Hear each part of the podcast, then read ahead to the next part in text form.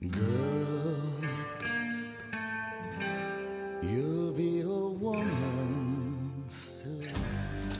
Ja, hallå! Är vi live on tape? Ja, ja, ja, ja, ja, det är vi alltid. Direkt ifrån bilen på Bjärehalvön. Ja, perfekt. Välkomna till This is 40. Det här är Karin Bastin. Och det här är Isabelle Masini. Jag kommer tänka på några så här givna diskussioner och så samtal som har varit, inte samtal, utan bråk den här sommaren. Är så här, vem är på vilken procent och vem har minst eller mest pluppar? Ja, men det är jättebra att du... Och det är så här, nej men det är så här, det här om dagen bara, var det någon som bara slet ur sladden och bara, och så var det så här, det, alltså, det var som liksom, jag kan inte nämna några namn för de kommer bli så arga på mig, men det var så här bråk om sladden och den ena skrek att den hade 1% och den andra hade 16% och jag var, var typ så här 23% men jag behövde ha mycket mer procent för jag skulle göra någonting. Så skulle man då försöka så motivera vem som liksom förtjänade den här sladden mest av alla. Alltså den här eviga bråket om laddsladd alltså. Ja.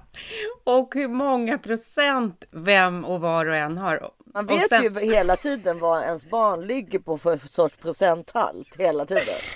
Det är så sjukt. Alltså i Grekland hade jag aldrig över 10 procent. Nej, men det är vet, hemskt. det var en att man aldrig får ladda upp 100% för Nej. någon annan jävel tar sladd. Och så säger man också så här. Alltså man säger till var och en, inte så här till hela familjen så här. Hörni, nu får ni inte ta min sladd. Utan man säger du Harry får inte ta min sladd. Henrik, du får inte ta min sladd. Du får inte ta min sladd. För jag ska, och då är det så här för att jag ska jobba, jag ska göra en podd. Fem sekunder senare går man ner och ser att Ja. de har tagit sladden. Trots att man har pratat med var och en. Och var och en har sagt att nej, jag kommer inte ta Nej, sladden. men alltså, först och främst måste jag säga, alltså, i Grekland då, som sagt, jag, var, jag, hade, jag hade så här stressutslag på grund av det här. Ja, det att jag inte hade något, alltså att jag alltid låg så på 10% Att den Mm. var så att, du vet, att man tänkte att den kommer stanna av, stäng, stängas Ja, den var, låg liksom på den här low, Ja, ja, ja, gul. Alltså på den här low-sidan hela tiden. Gul liksom hela tiden. Nej men när man har fått den där Ja, varningen ja, här, ja, den var under, nu är det liksom... mellan 10 och 5 procent. Liksom. Ja. Men sen så har vi ju då köpt på grund av all, all var i sladden problematiken Mm. så har ju Filip då köpt någonting som vi har börjat kalla för bläckfisken. Mm. Som är då liksom en en mackapär med då massa sladdar i och dessutom så här du vet man kan ladda sina hörlurar. Men du, för då undrar jag så här, för att jag har ju också en sån där där det är så här många hål för Ja. liksom vardera sladd. Men då försvinner ju sladdarna ur de där hålen ändå. Så jag skulle behöva någonting där sladdarna sitter fast där de inte kan ta ut dem överhuvudtaget. Precis, men då tar de ju bara sladden i väggen. Det är det, alltså då tar de ju hela skiten bara. Man skulle behöva borra fast den i väggen, hela liksom grejen. Det har ju Filip gjort med fjärrkontrollerna till exempel i vårt hus. Ja. Han bara, jag är så är trött. så han, bara, så han, han är så trött på att aldrig hitta fjärrkontroller, att de folk snor dem. Så då, han, han har hittat så här på nätet någon sorts så här, som gör, alltså det är så irriterande för du vet, det, det sitter fast i alla fall i varje rum. Och det vill han också göra med, med både borstar och saxar. För han säger att det är alltid borta. Hårborstar, pincetter. Allting ska bara sättas fast. Allt ska bara limmas fast. Så när man ska så borsta håret får man liksom lägga sitt huvud ner på bänken och borsta Ja. mot Ja, bänken. ja, ja. För att det är liksom Precis. Allt det- försvinner. Jag håller på att bli tokig. Men och en- här, här nu då när jag skulle podda, då hade jag ju satt min dator på laddning som de spelar någon, någon sorts spel med. Min dator är ju som en leksak för dem liksom. Och, då, då, hade jag, då hade jag satt den på laddning och sen mycket riktigt kom jag hem nu för jag har varit och hämtat då Greta på seglarskola. Då hade ju någon tagit ut den. Ja. Och då hade jag ju 84 procent bara. Ja. Ja, men det kommer du klara dig på, för det kunde ju varit mycket värre. Men det här, det jobbiga är den här grejen som du återkommer till. Den här med stressen, att hela tiden veta att man inte har full laddning. Att man, och så i mitt fall, att jag vet att någon kommer ta den, trots att alla har lovat mig att de inte ska ta den. Ja, ja, ja, ja, allt det där. Sen, man kan inte lita på en person i sitt Nej. eget hushåll. Ja, det så måste vara i liksom någon sorts här survivor mode hela tiden. Mm. Jag vet. Ja, men det är så här hunger games med så här telefonen. Ja. Men och sen, och sen så är det så här, här ute på landet, då är det också så här, vem kopplade sig på sist på wifi? Ja, det är ja, så här, ja. Mm. alltså så fort vi kör in på gårdsplanen, då är det så här, alla bara upp på wifi för att den som åker på sist på wifi och då, då är det den som ryker först när det blir liksom för lite täckning. Gud. Och jag kommer ju alltid på sist, för då har ju de andra redan kopplat på. De andra har ju liksom, de andra har ju två eller tre devices var, plus att det redan är då min mamma, pappa och en annan familj. Ja, du är hos dina föräldrar nu. Ja. Ja, det är ju så många devices på den här. Så att för mig är det så otroligt dålig mottagning. Och trots detta Jag, jag, jag kommer återkomma till det här filmtipset senare, men så låg jag och kollade på en serie igår. Trots att jag liksom var tionde sekund så stannar Ja, skärmen. Det är så irriterande när det gör det. Ja, men det är så spännande så att jag bryr mig inte. Jag hänger ändå kvar. Då förstår du hur liksom illa läget är. Oj, oj, oj. Ja, det får vi ta sen, Mm. tv-tipset. Men nu ska vi säga vi välkomna till This is svårt i alla fall, va? Eller har vi Ja, sagt det? Det har vi redan gjort. Vet, det här ska jag kunna prata om så länge som, helst. Och du vet, jag Ja. blir så glad när jag pratar om det. Att jag får, äntligen får prata med någon som är i samma situation som förstår. Nej, alltså, För- men det måste ju alla vara. Alla som har barn. Det är ju ingen idé att jag pratar med mina barn om det. Eller min man. Nej, för att nej, alla nej, de, nej, nej. det är så här samma skrotkorn. De skiter ju i mig. Alla, det är så här survival. det är Hunger Games. Det är bara så här. Ja, survival of the fittest. Survival of the fittest. Mm. Ja, vem tar sladden först och så här. Ja, Ingen litar på någon. och alltså det blir ju stressigt när man är både utomlands eller på sommaren och att Mm. veta bara också att inte ens barn, någon av ens barn inte har procent. Det kan ju förstöra en hel eftermiddag liksom. Ja, men jag vet, men det är ju hemskt. Och också så här att jag är den då som alla mina familjemedlemmar packar ju för sig själva. Även Ellie. Ja, hon gör faktiskt det. Jo men hon kan ju inte ta med sig bra saker, det är omöjligt. Jag får ju alltid dubbelkolla Ja, och ja, så får precis, jag ju ta ja. med extra grejer. Men sen så har ju jag, packar jag alltid typ så här, två laddarsladdar kanske. Men det här är också väldigt irriterande för då är så här barnen, eftersom de då vet hur viktigt det är med laddningen, de är väldigt duktiga på att ta med sig egna sladdar. Men då kan de ju ta en sladd ur min väska och packa och så har jag liksom bara en sladd kvar. För jag har ju en man som absolut aldrig någonsin skulle packa en sladd. För han räknar ju kallt med att han kommer ta de andra sladdar. Ja, ja, det är ju typiskt sådana. Men ja. Mm. där måste jag säga att jag är mer som Henrik i vanlig ordning. Jag menar att räkna med att Filip har med sig bläckfisken som numera har bytt namn från bläckfisken till krabban av någon anledning. Ja. Så nu är det så här, vad är krabban? Vad är krabban? Alltså, Jag bara en procent! Vad fan är krabban? Folk letar efter den här krabban. Där vi... Ja. Nej men Greta varför har du tagit krabban? Du vet, alltså, ja. det är... Gud. Mm. Men, och det, men du vet, och så tänkte jag på hur stressade vi är. Hur hemskt det här är för de här barnen som ska, också ska uppleva den här stressen. För att även Ja, om de jo. nu då tar alla andra sladdar så är det ändå så här, det här är stressmoment som vi inte hade under vår uppväxt. Nej men det måste väl varit något annat vi stressade över då. Jag vet inte vad det är för sig. Men... Men jag vet inte vad, om du kan hitta någonting som närmelsevis är så stressigt som den där som de tycker att det är att ha en eller fyra procent. Nej för att grejen är ju att det är ju lite så också att barnen av idag har ju liksom tappat det här med att ha tålamod. De vet inte vad det De betyder. har ju ingenting. Det är Nej, ju så omedelbar tillfredsställelse på grund utav de här apparaterna. precis. Så vi hade ju nog ganska bra tålamod ändå eftersom vi i flera timmar inte hade saker att göra och inte ens något att, att titta på eller så. Nej, Vi hade ju ingenting att göra. Ja. Så att, då lär man väl säga att eh, För där är vi ju nu på sommaren med så här sluttampen på sommaren. Jag hörde några andra här diskutera att så här, nästa år måste ni ha sommarjobb. Så att de sa det till, de- till de ja, barnen. ja, ja, ja, gud ja. Och det var ju som ett straff för att barnen klagade på att det var tråkigt. Så var det så här, nästa år måste ni ha sommarjobb. Men vi hade ju såklart sommarjobb i den här åldern. Såklart, Ja. gud. Nej men så det, det ska de ju ha. Så det var den andra familjen här som sa det angående sina barn. Så här, nästa år måste ni ha sommarjobb. Och så, så gick jag iväg och skulle göra det här. Och då var det någon som bara så här. Åh gud vad tråkigt, vad ska vi göra nu? Jag bara nästa år ska ni ha sommarjobb. Vad tog jag deras?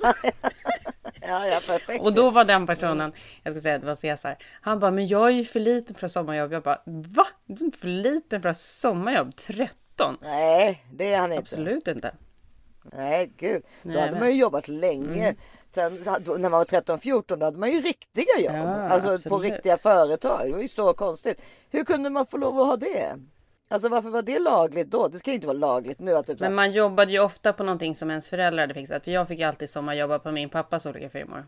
ja, mitt första så här, riktiga seriösa jobb var ju på Park Hotel på room Det är service. seriöst. Och då var jag alltså 14 år.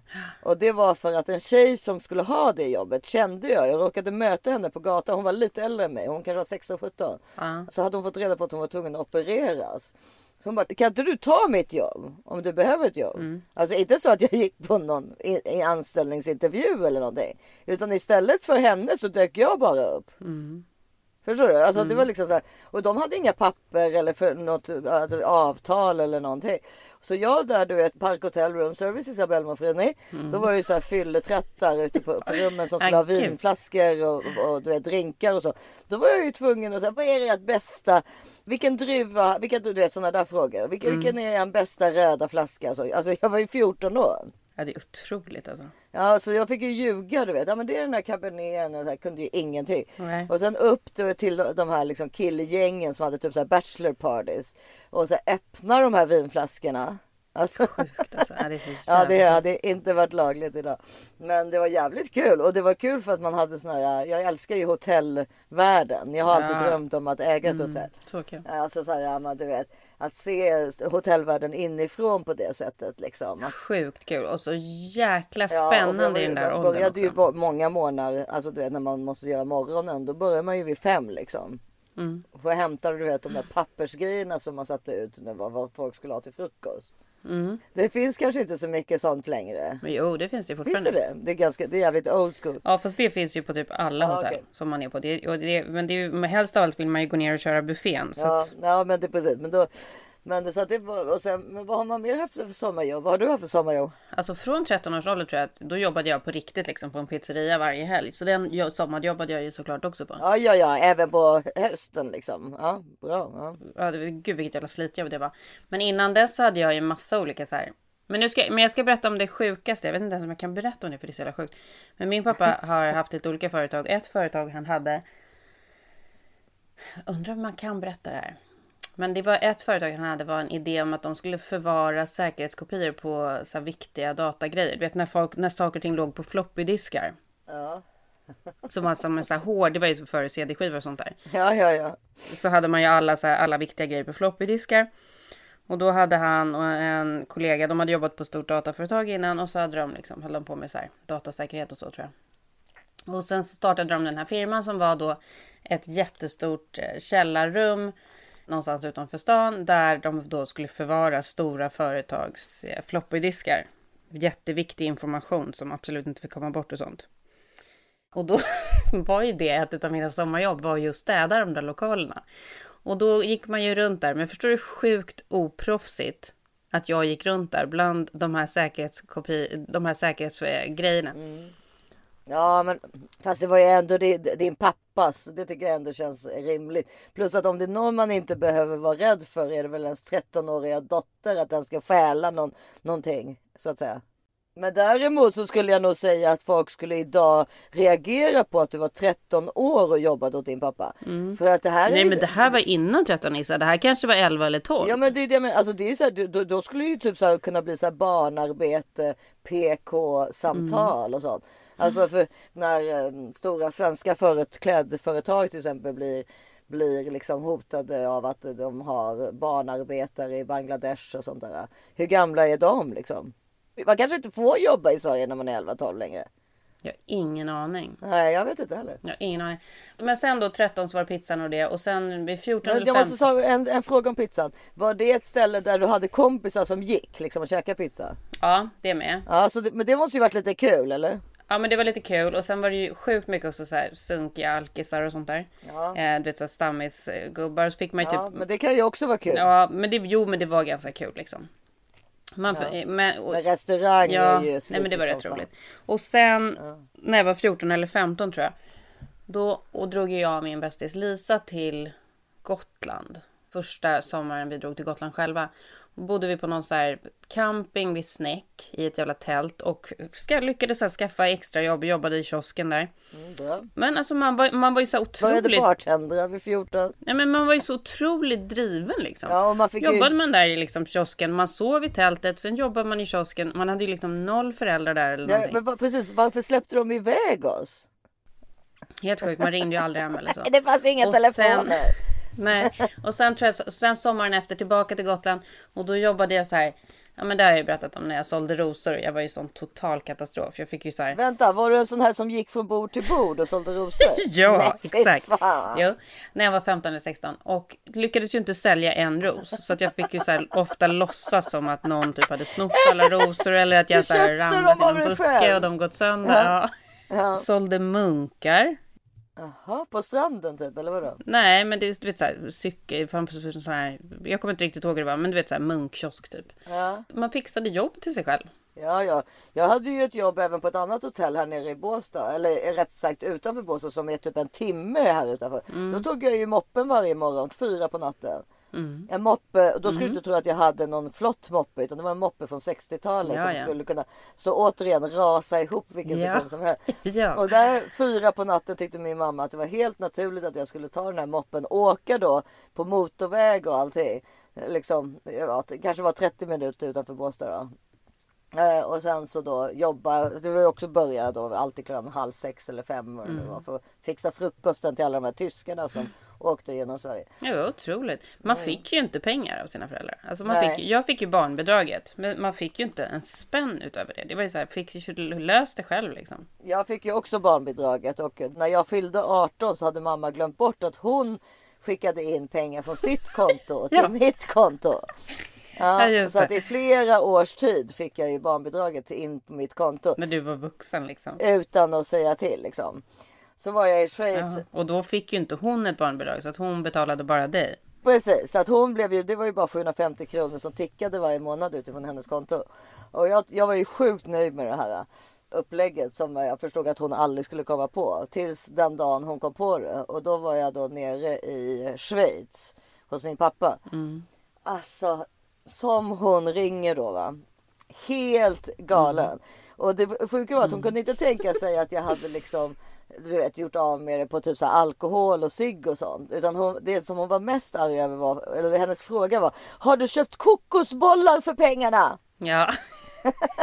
Jag hade kunnat åka på kryssning. ja, det hade hon ju också. Det är jättemycket pengar. Jo men jag bara, mamma du skulle aldrig åka på kryssning. Så jag vet inte, nej i och för sig men ändå. Jag skulle kunna för de pengarna. Så var jäkla roligt. Så himla Mm. var kul. Tänk om lite- du hade fortsatt så här upp nu i så här vuxen. Ja ja ja, det hade ju varit perfekt. Helt perfekt. Ja, nej, så det, men, men, men, men sommarjobb och, och det tror jag det är ju liksom väldigt bra för det märker jag ju nu när Greta är på seglarkurs eller seglarläger eller vad fan det heter. Det är hon då mellan 9 och 4 varje dag. Då märker man ju liksom att det här, för det måste väl alla känna nu här i slutet på sommaren, den här liksom irritationen i familjen så att säga. Att man har bara, Alltså om, vi, om det är någon där ute som inte känner det, då blir jag typ förbannad. nej men då säger vi ju grattis. Man kan liksom inte vara med varandra på det här sättet utan att så här, känna irritationen. Nej, men man undrar ju också. Det skulle vara kul att höra er. Vad tjafsar man om liksom mest egentligen? Mm. Är det vem det är som ska åka och handla mat eller vad man ska äta till middag eller att, att det ska ätas godis varje dag och chips varje Vet du vad det dag? grejen är? Det är nog det här med att saker och ting går på repeat som gör att man blir så irriterad. För det är så här, även om man gör härliga grejer, även om det är härliga middagar och alla de här grejerna, så är det så här, det är varje dag så ska det göras samma sak och varje dag ska det fixas en middag och varje dag ska det där göras. Men det ska du väl göra hemma också egentligen? Ja, men det är någonting att det blir ett så här avbrott när man har liksom... När de går i skolan och så. Det är som nu då. Ja, men eller när man är i sitt så här, när man är i sitt permanenta hem. Det blir liksom någonting annat än när man är på ett landställe eller man är på semester. För det blir liksom, nu det, när man gjort det här, man är ju klar liksom. Ja. ja, nej men jag tror en gång, att ska man göra det en gång till? Det är liksom, det är nog är ganska mycket tjafs i stugorna i, runt Ja, om det i. Sverige just nu. Absolut. För de enda som är riktigt lyckliga är väl de här äh, som är på Expressen och Aftonbladets löpsedlar om äh, sexorgierna. Nudisterna, och ja. Tantrasexet och, Ja. och nudisterna. det är sex överallt nu. Det Vad är liksom det? så här, va, det är också, det märker man ju också i, så här, i slutet av sommaren. Det blir mer och mer sådana artiklar i tidningarna. Det är så här, då, Ja, vad var den där sjuka? Jag är på gång, jag är kåt och är på väg. Jag är kåt och Ja, på väg ja. Ja, just det. Mm. Är- Alltså typ så här som var sjukt läskig. Man ser det framför sig en person som bara åker i en bil helt kåt. Obehagligt! Så Helt kåt och på jävla väg. creepy. Vart är du på väg? Jag vill veta Ja. exakt adress att jag ska vara så långt ifrån den adressen som möjligt. Ja, det är här enkla knepet för att slippa droppsnopp. Så är det en jättekuk. Den har du sett va? Den har ju legat i tre dagar nu. Den är Mm. så läskig. Först är det en, en kalsong med massa kiss på. Alltså med en sån stor snopp så att jag typ aldrig har sett något större. Vi måste ta en screenshot. Ja. Och sen får man se snoppen i liksom Ja. i en. Har du sett den? I en sån här liksom ja, droppsnopp. Vem, vet, vet vi ens vad det här betyder? Är det att det kommer lite kiss? Det kommer lite kiss efter Mm. att man liksom Men liksom vad fan. Det är väl ingen nyhet eller? Det kan inte vara en grej som ska vara på en, på en tidning. Det kan det faktiskt inte vara. För det är faktiskt... Det är ju liksom... Nej, det är så sjukt faktiskt. Men sen har det, men det har ju varit några riktiga så här klassiker. i sommar. Svenska swingers berättar. I lördags var vi 18 stycken. Strandorger och bastusex. Ja. Sara 33. Vår hemlighet. Det är det. Nu, nu folk ligger inne i stugorna och är uttråkade och vill läsa sånt här liksom. Så är det. Jag, jag här, jag Ja. är kåt och på resande fot. Det var så den hette. Rastplatser, parker och bad. Här möts främlingar för sex. Mm. Alltså så läskigt på premium också så man kan ju inte se var det är någonstans. Så man blir, eftersom jag inte har premium. Nej, vara- men då, det är därför man måste ha premium. Jag har ju premium. det är klart. Man vill inte läsa det, men man, kan, man är tvungen att klicka på det. Det är hemskt. Ja, det är hemskt.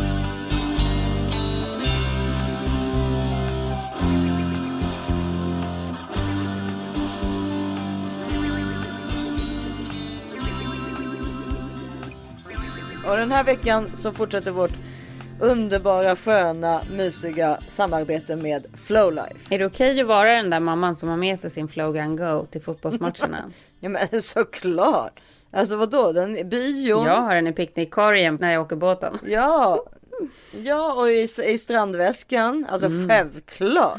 Alltså det är ju de, man kan inte missa en sekund på att vara utan sin Flowlife produkt. Alltså så är det bara. Nej, för det kan ju maximera varje tillfälle liksom. Ja. Där det också finns här chans att man kan liksom känna sig lite så här spänd och så. Då är det ju helt perfekt att ha med sig den. Verkligen. Flowlife vill trita oss lite extra den här sommaren och därför eh, har grymma sommardeals på olika produkter med kampanjpris på flowlife.com. Och dessutom ger koden thisis40 10% extra på redan nedsatta varor och 20% på sådant som är på ordinarie pris. Fantastiskt. Och som vanligt gäller den här helt sjuka grejen med att det är 100 dagars nöjd kundgaranti. Så man får chans att känna sin produkt i lugn och ro.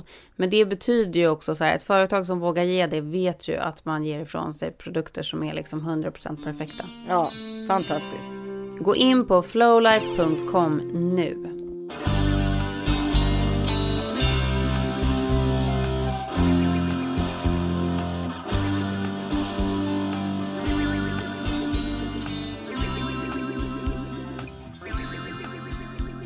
Folks tålamod tryter i slutet av sommaren. Man blir irriterad på varandra och dåliga sidor kommer fram mer och mer. Alltså jag och det, tror och, att statistiken säger att väl, alltså jag kan ljuga, men att eh, man skiljer sig efter sommarlov. Alltså det är då det är som, som mest sådana beslut tror jag. Ja, och det är ju inte konstigt för det är ju liksom helt sjukt att sitta på varandra på det här sättet. Men vi pratade ju om det förra veckan att våran kompis Maja som vi älskar så mycket för att hon är våran bästa kompis men också för att hon har så sjukt bra råd att ge i olika situationer och nu hon är ju också en eh, terapeut. Jag ska, vi ska fråga lite exakt vad hon är för någonting. Hon ska ju vara med och svara på lite frågor från oss och er tänkte vi. Mm. Det är så kul. Du ringer henne då.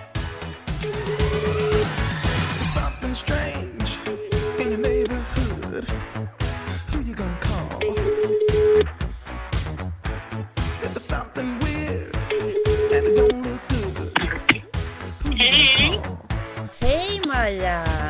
Eh, Hej. Hej! Vi tänkte börja med att fråga lite vad, vi, bara för vi har ju sagt att du är vår expert och att du är så otroligt bra på att ge oss råd och svar om saker och ting. Och du är ju expert på riktigt. Så vi skulle vilja veta vad du är. Kan du inte berätta? vad jag är, Mm. förutom då min stora fjäder att jag känner er, Mm. så... Det är en jättefjäder. ja, jättefjäder. Nej, men eh, jag eh, började i tv-branschen Mm. eh, och jobbade på ZTV och sen så flyttade jag till Washington och jobbade på ABC, vilket fick mig att börja plugga på New York University. Mm. Och där fick jag liksom upp ögonen för psykologi och började läsa det där. Flyttade hem till Sverige och avslutade en socionomexamen och sen har jag pluggat vidare till KBT-terapeut och jobbar som just det inom psykiatrin i Stockholm. Mm. Exakt, så du har liksom en riktig renommé. Du är en riktig person. Du har, ett du har, ett, rikt, du har ett riktigt jobb till skillnad från oss. Men, och idag har ju vi då eh, fått en fråga. Så jag ska läsa upp frågan nu. Hej Issa och Karin. Tack för en inspirerande podd. Det verkar så härligt att som ni veta vad man tycker och känner om saker. Jag brukade vara sån men vet inte riktigt när det ändrades. Men nu lever jag sedan ett par år tillbaka i en relation som jag ömsom tycker är bra och värd att kämpa för och ömsom tror jag att den är väldigt destruktiv för mig eftersom vi ofta bråkar och inte når varandra. Mina kompisar säger till mig att min pojkvän är narcissistisk. Men är inte alla lite av den typen nu, nu för tiden? Pojkvännen är också väldigt kärleksfull.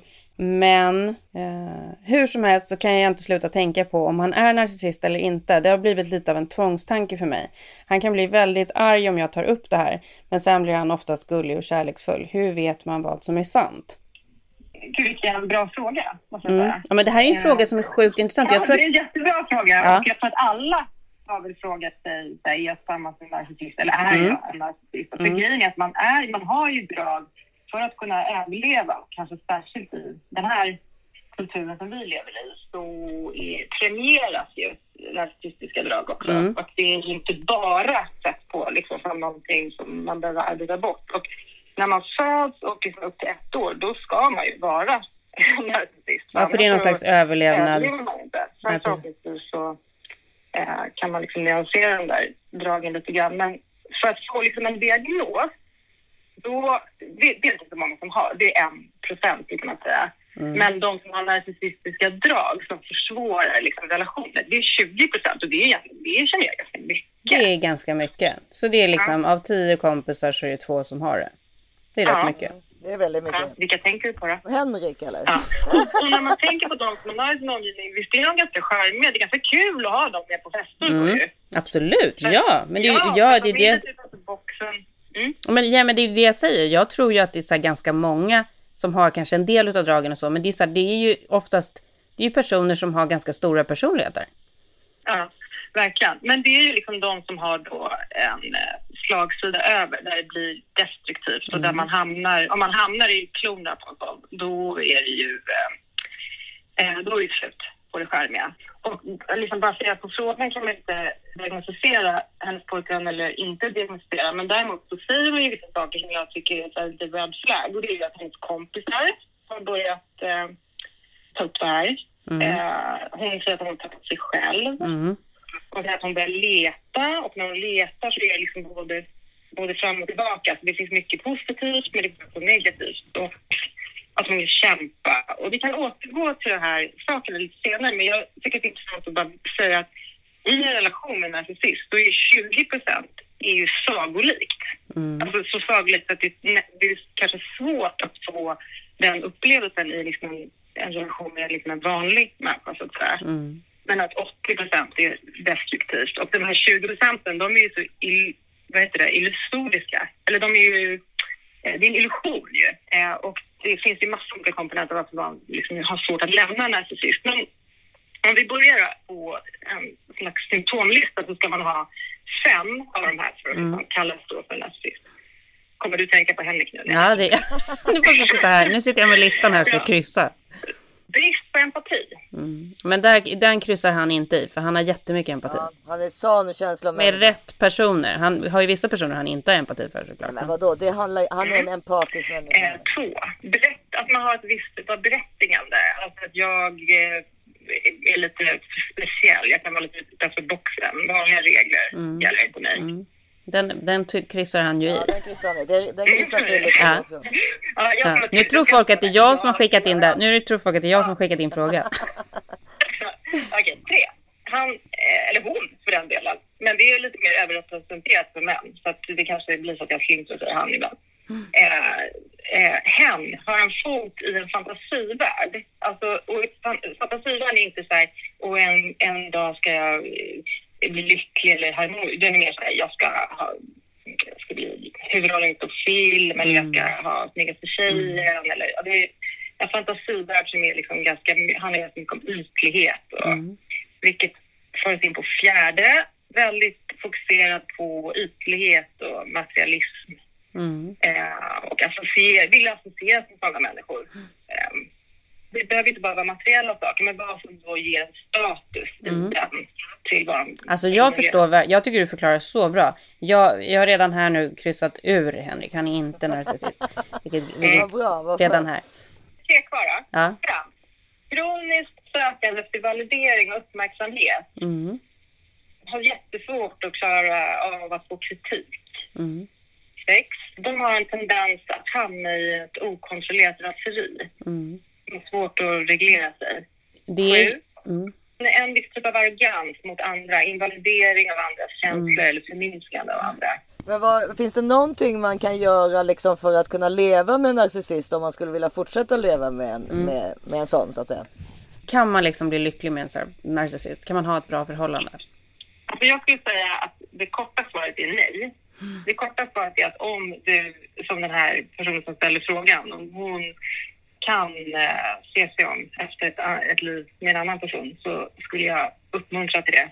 Men det finns ju personer som faktiskt inte kan lämna av olika anledningar. Och då kan man ju eh, dels genom att eh, ha rimliga förväntningar på den här personen Mm. också lite så här radikal acceptans. Att den här personen kommer aldrig att ändra sig. Den, det, det finns en viss typ av psykoterapi som fungerar men då måste personen i fråga ha vilja ha hjälp. Ja. Och det ligger ju lite i narcissistens natur att inte kunna se de här beteendena själva. Och sen så är det också att man ska förhålla sig till narcissisten som liksom, de, på engelska är det ett, ord, eller liksom grey rock, ett gråsten. Mm. Att man ska liksom vara så pass liksom tråkig, inom citationstecken, så att den här partnern liksom förlorar sin, eh, sitt bränsle att liksom trycka ner dig eller göra dig förvirrad. Eller så. Du ska inte du ska liksom inte förklara vad du känner, du ska inte försvara vad du känner, du ska liksom respondera istället för att reagera. Mm. Och, du, och du hör ju själv när jag säger det här, det är ju liksom Det är ju inget liv. förhållande. Nej, men det är ju, nej, det är ju inget liv. Alltså, det känns jättetråkigt och hårt att säga så. Men det är ju ingenting som man vill se en människa leva i på det sättet. För det är ju liksom, det är ju jättehemskt. Mm.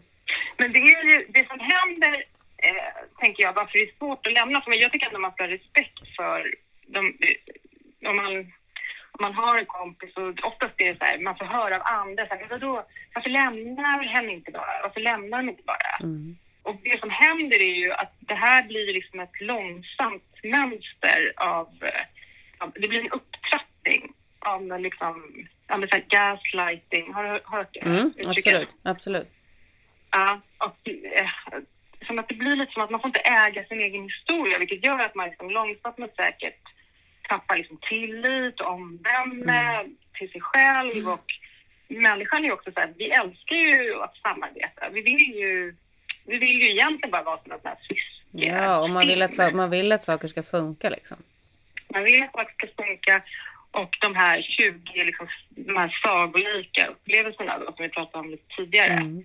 De kommer ju också då och då. Och då blir det också svårt att se.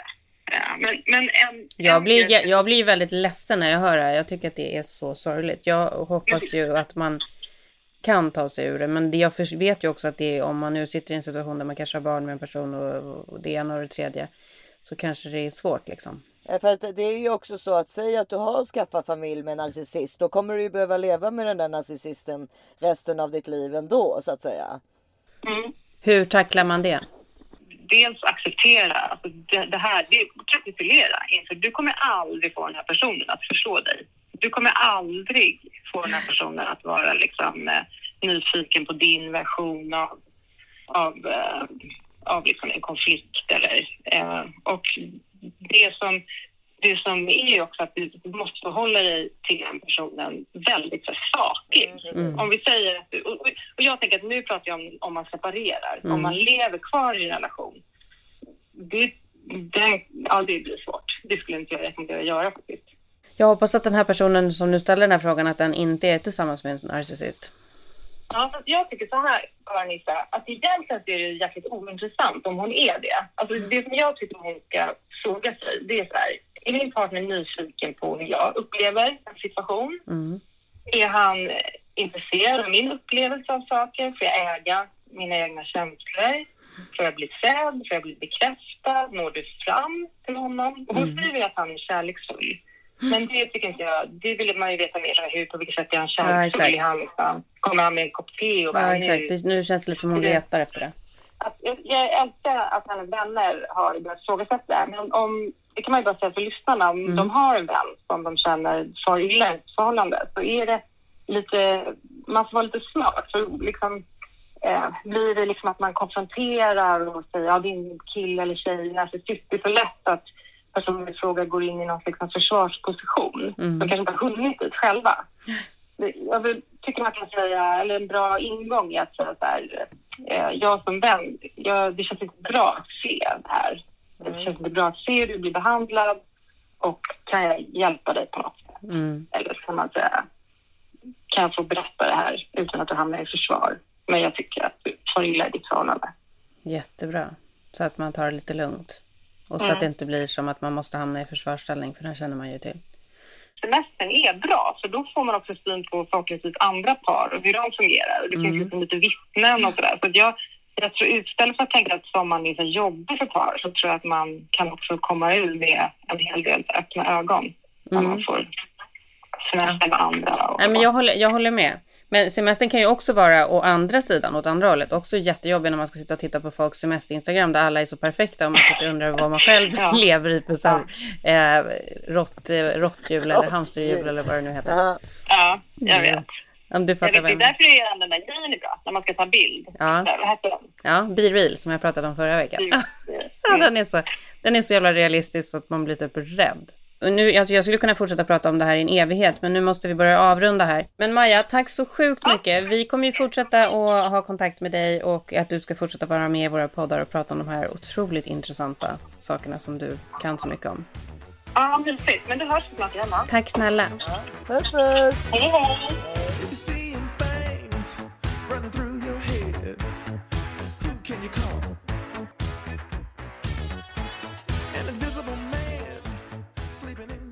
Här var ju så bra, så jävla intressant tycker jag. Ja. Gud vad man vill liksom så här in och hålla på och nästla runt och veta hur saker och ting fungerar och vad liksom, vad vad man själv är för personlighetstyp och vilka liksom snaror och fällor man går i och vad, hur man ska vara och hur man inte ska vara och hej, hej och hår och ena med det tredje. Ja, man går ju i många fällor Mm. fattar man ju i alla fall. Alltså just det där. Alltså även fast det inte är narcissist så vet man ju att det finns bättre sätt att prata på än, än vad man själv gör ibland. Men, alltså, Alltså, för att absolut. Få, få fram rätt Absolut, saker. det var jävligt intressant för idag i Huffington Post tror jag det var. Så en av de mest så här, klickade artiklarna var en artikel om eh, tio pars bästa råd som de har fått efter tio år i parterapi. Den var ju så här, den gick man ju direkt på. Bara så här, vad var de här Ja, bästa det- råden liksom? Ja, vad var det då? Ja, men jag tror att framförallt det första var, och det var en grej som jag själv liksom upptäckte när jag var i parterapi, var den här med att man på, alltså det är på riktigt så att du måste lyssna på den andra. Nu tror folk att jag är dum i huvudet som säger så, men man gör ju inte det. När man står där och bråkar, det enda man hör är ju vad man själv är arg om. Man hör ju inte vad den andra säger. Nej, men det för, jag tycker män alltid säger det. Alltså de är ju arga på det man själv säger att man är arg på. För de har Ja. inga egna argument. Nej, men, då var, men man fick ju lära sig en grej som var så sjukt viktig, kommer jag ihåg när jag gjorde det där. Var ju så här att när den andra står där och är arg, då ska man liksom lyssna på riktigt på vad den säger och så ska man ta det som man tror var det viktigaste och så ska man återupprepa det och säga så här. Jag tror att jag vet varför du är arg på mig, för det är det här. Och då har man liksom konfirmerat att man hörde vad den sa och där, där, där och då kan den öppna upp för att man själv får säga sin sak. Ja, nej man måste bli bättre. Det hör jag direkt. Ja. Men nu kan man bli det genom att lyssna på oss och lyssna på Maja. Ja, Mm. exakt. Perfekt. Men du, vad, jag, jag skulle berätta om vad jag då har legat och tittat på här på min, min halvplupp wifi när Ja. liksom nätverket så kommer och går. Nej men den här är så bra, jag kan inte förstå hur jag missat den faktiskt. En serie som heter på engelska Unforgotten. Den har nog faktiskt varit lite större i Sverige än vad den har varit i USA för att den är engelsk. People pretend to be one thing for half a century and then turn out to be something else. I wonder if they still love them. Alltså Issa, detta är en guldgruva. Saknad, aldrig glömd. Den ligger på More nu. Och jag tror att den ligger på SVT också. Unforgotten. Ja, saknad, aldrig glömd och det är cold cases och det är liksom ett case per säsong. Jag har ju liksom svarta påsar under ögonen för att jag har liksom har legat uppe hela nätterna och bara bingeat. Den är otroligt bra. Det handlar om en eh, brittisk kriminalkommissarie, en kvinna som man också gillar så jäkla mycket för hon är så här helt, hon är så superalldaglig. Fast nu var, såg jag att hon var faktiskt med i brittiska L tror jag, för att hon har blivit liksom som en stjärna av den här. Nej men den här tjejen är jättekänd i England. Jag har sett henne på flera serier. Ja, men hon ser väldigt basic ut. Eh, och är en otroligt härlig kriminalkommissarie. Hade jag liksom varit med om någonting så är det här personen jag hade velat eh, skulle komma och hjälpa mig och lösa fallet liksom. Eh, hon har då ett team och de reder ut gamla fall och eh, Nej, men den, är helt, den är helt briljant faktiskt. I också det här som vi har pratat om förut, hur bra britterna är på att göra sånt här. Ja. Cassie Stewart has worked with her partner Sunil Khan for five years, and the police unit that they work with is facing probably one of the most interesting cases um, they've ever been involved with before, although it doesn't seem it to begin with. the focus is very much on the story and the story of this cold case and also you know what happens to people who have lived with a lie for nearly half a century. And so the show is very much about you know what happens when you get that knock on the door. Uh, and in, what manner the skeletons uh, fall out of the cupboard. It asks the viewer to imagine how they would survive a life when it's if it's discovered that it was built on a lie. Oh, it just it just keeps layering on, and the, it, you know the idea that you with a story you peel things back. With this, it feels like it just keeps piling on, so it just gets it gets more and more complicated. What it's primarily about is family. Right down to the police strands as well, because that's kind of like a family, and she's got her own family that she goes home to with all its complexity. But actually, all of the other four stories, the reason what's happening to them is important is because it threatens the De är liksom helt otroliga. Nu är jag på säsong två och det är så här allt från miljön till språket till så här blickarna, hur de, eh, ja men allting, hur de porträtterar alltihopa. Den är skitbra. Gud vad härligt alltså. Och det är liksom så här läskiga, jobbiga grejer som hänt i de här fallen och så. Men det är inte den där superångesttyngden som man kan få när det är så här mordgrejer och så. Nej, det är spännande och eh, det är så, eh, engelska kriminalserier. Finns det något bättre att titta på på sommaren? Nej, det är skitbra. Älskar det verkligen. Ja vad kul. Vilket bra tips. Bra. Nu, nu åker jag ju hem i veckan så att nu kommer jag börja titta på lite Ja men vad mer. är det som har hänt? Det, det här var ju oväntat för ni skulle ju stanna kvar. Jaha, ni, har bara men- varit där, ni har bara varit där några dagar. Nej vi har väl varit här i tio dagar eller något i alla fall va? Eller? Men just det, efter Grekland och sen var det två vilda fester. Och sen har det varit kanske en lugn vecka. Vilda fester. En- Vilda musen. En lugn, en lugn nej, vecka men, ja, men ja, hur som helst så vill barnen åka hem och Filip vill åka hem och alla tycker att det är tråkigt och Mm. ja, jag vet inte vad det är. Men och Selma är ju inte här för hon är ju hemma i Stockholm och hos farmor och farfar och sen så åker hon till Gotland på torsdag. Så henne kommer jag väl inte se förrän nästa vecka ändå. Men det är också konstigt när man plötsligt är tre barn istället Mm. för fyra. Jag längtar efter henne jättemycket. Ja, det är väl klart. Ja, men då är det skönt. Och det här var ju så jäkla sjukt kul för mig. För det betyder att vi kommer träffas innan vi drar hem. Precis. Det gläder mig något otroligt. Ja. För jag åker ju hem på söndag. Jag har ju bara några dagar kvar här. Ja. Du vet att jag har bokat om min resa. Jag var tvungen att åka två dagar tidigare. Jaha, varför då? Nej, men jag skulle ju åka på tisdag. Men eh, jag var alldeles för bekväm. För att jag, då var det en klockan åtta flight. Och så fick jag text av någon kompis som åkte den. Förra veckan som sa att det var sån jävla kaos nu igen. Särskilt de där morgonflighterna. Ja. Och så att då hade hon varit tvungen att åka hemifrån vid fyra. Och jag bara, det gör jag inte. För då gick det en klockan tolv på söndag. Så jag förlorade egentligen bara en dag. Och så får jag liksom åka så här vanlig härlig tid. Jag behöver inte åka någon eh, morgonuggla. Nej, det är inte samma sak som nattugglan. Men... Nej, det är det inte. Men det är jättejobbigt att gå upp fyra på natten. Insa. Ja, det, det, inte. det, vi är inte 14 på Park Hotel längre. Nej, men så nu blir det så jävla härligt att vi hinner ses och våra barn hinner ses och vi får kramas. Ja, det är perfekt. Men du, ska vi köra ett snabbt beauty då?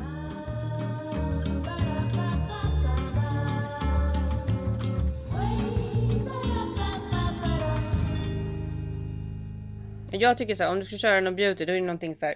Alltså det är så här. Åk till akademikliniken, betala 200 000, lyft hela facet efter den här sommaren. Ja, du. Det är veckans beauty. Ja, använd botox och fillers så mycket som ni bara kan. Ja, alltså så här. Recover från sommaren 2022. Det är liksom in på en klinik. Nej men jag har faktiskt en som jag tycker är bra och det är ju det här vårt favoritmärke som finns på Kicks ju It Cosmetic, du vet det där. Mm. Gud som vi älskar Ja. It Cosmetics. De har en sån här cleanser, för det tycker jag alltid är svårt Mm. att hitta. Som eh, heter Bye Bye Makeup. Fantastiskt. Eh, och den finns på Kicks och den är, är blir liksom eh, Den är, känns smörig och härlig och tar bort allting så, utan några problem. Men man ska inte heller glömma att It Cosmetics är ett jättestort märke. Otroligt beprövat. Jävligt bra prisklass också. Ja. Väl värd pengarna. Men Man sminkar sig ju, eller jag sminkar mig mer på sommaren i alla fall. Mm. Eh, så att eh, man behöver eh, en bra cleanser då så att man inte använder yes, yes diskmedel i ansiktet. Mm. Nej men jag, jag är ju typ på handtvålen nu för att jag glömde ta med mig cleansern. Och jag orkar inte gå ner till mammas badrum. Nej men det är ju det att man, man på sommaren så är det ju plötsligt så på landstället. Fan Mm. jag glömde den där eller ja. Man, man inte, nej, man, man känner sig inte riktigt på topp helt klart. Nej. Ja men och jag eh, ska ner här och ta mitt, eh, mitt vanliga klockan fem glas. Ja, jag ska ju börja göra ordning chips och dippen för Ja, det är fotboll. Fotboll. Ja men nu är det så här fyra dagar kvar. Man kan inte avsluta den här eh, liksom Nej nu kör vi på. man har kört. Nu kör vi Ja, på. kör vi Det är chips och, och popcorn och dippar och alla möjliga saker. In i kaklet. Men eh, det kommer bli bättre med det. Jag ska börja på simhoppsträning i höst ju. Det här är så spännande. För det här gör ju min andra bästis Martina. Så det ska bli så sjukt kul att ni ska göra samma. Ja, Båda ni är ju så här vinnarskallar också. Det skulle vara ganska jobbigt om ni var på samma lag. För det skulle typ kunna bli bråk. ja nej men och jag tänker för mig att det kan vara bra liksom. För det blir både adrenalin för det är läskigt och så är det tydligen jättebra träning. Mm. Och sen så, ja det finns många saker och att man måste utmana sig själv och liksom, ja det blir liksom en ny hobby. Du måste ha badmössa. För du vet hur mycket håret förstörs när man håller på med så här grejer i pool hela Ja, tiden. ja, ja, ja, ja, ja, ja, ja. Sjukt spännande. Så kul. Då kanske det blir lite så roliga klipp från badhuset också Lars. Det är jättehärligt med ljudet på badhuset. Jag ska göra min första. Ja. Alltså förstår du vad läskigt du vet? Alltså, Att stå på ettan och göra en sån här, du vet, bara åka ner. Alltså jag förstår inte hur det ska gå till men det ska bli spännande. Underbart. Tills ni hör oss igen nästa vecka hittar ni oss på Instagram som This is 40pod. Ja, och jag heter Isabelle Mafrini. Och jag heter Karin Bastin. Puss puss, hej då! nothing gets me down.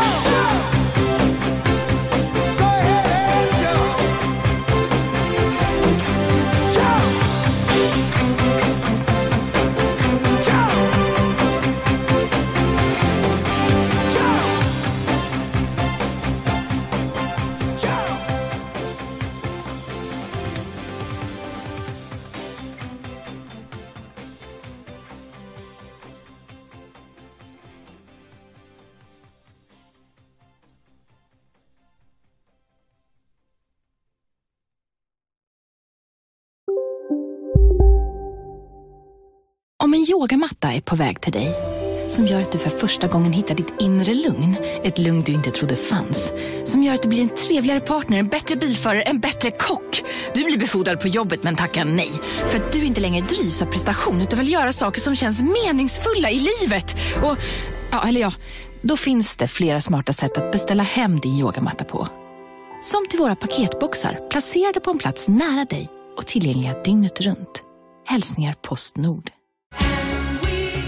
Just nu till alla hemmafixare som gillar Julas låga priser. Ett borr och bitset i 70 delar för snurriga 249 kronor. Inget kan stoppa dig nu. Välkommen till Unionen. Jo, jag undrar hur många semesterdagar jag har som projektanställd och vad gör jag om jag inte får något semestertillägg? Påverkar det inkomstförsäkringen? För jag har blivit varslad, till skillnad från min kollega som ofta kör teknik på möten och dessutom har högre lön trots samma tjänst. Vad gör jag nu? Okej, vi tar det från början. Jobbigt på jobbet. Som medlem i Unionen kan du alltid prata med våra rådgivare.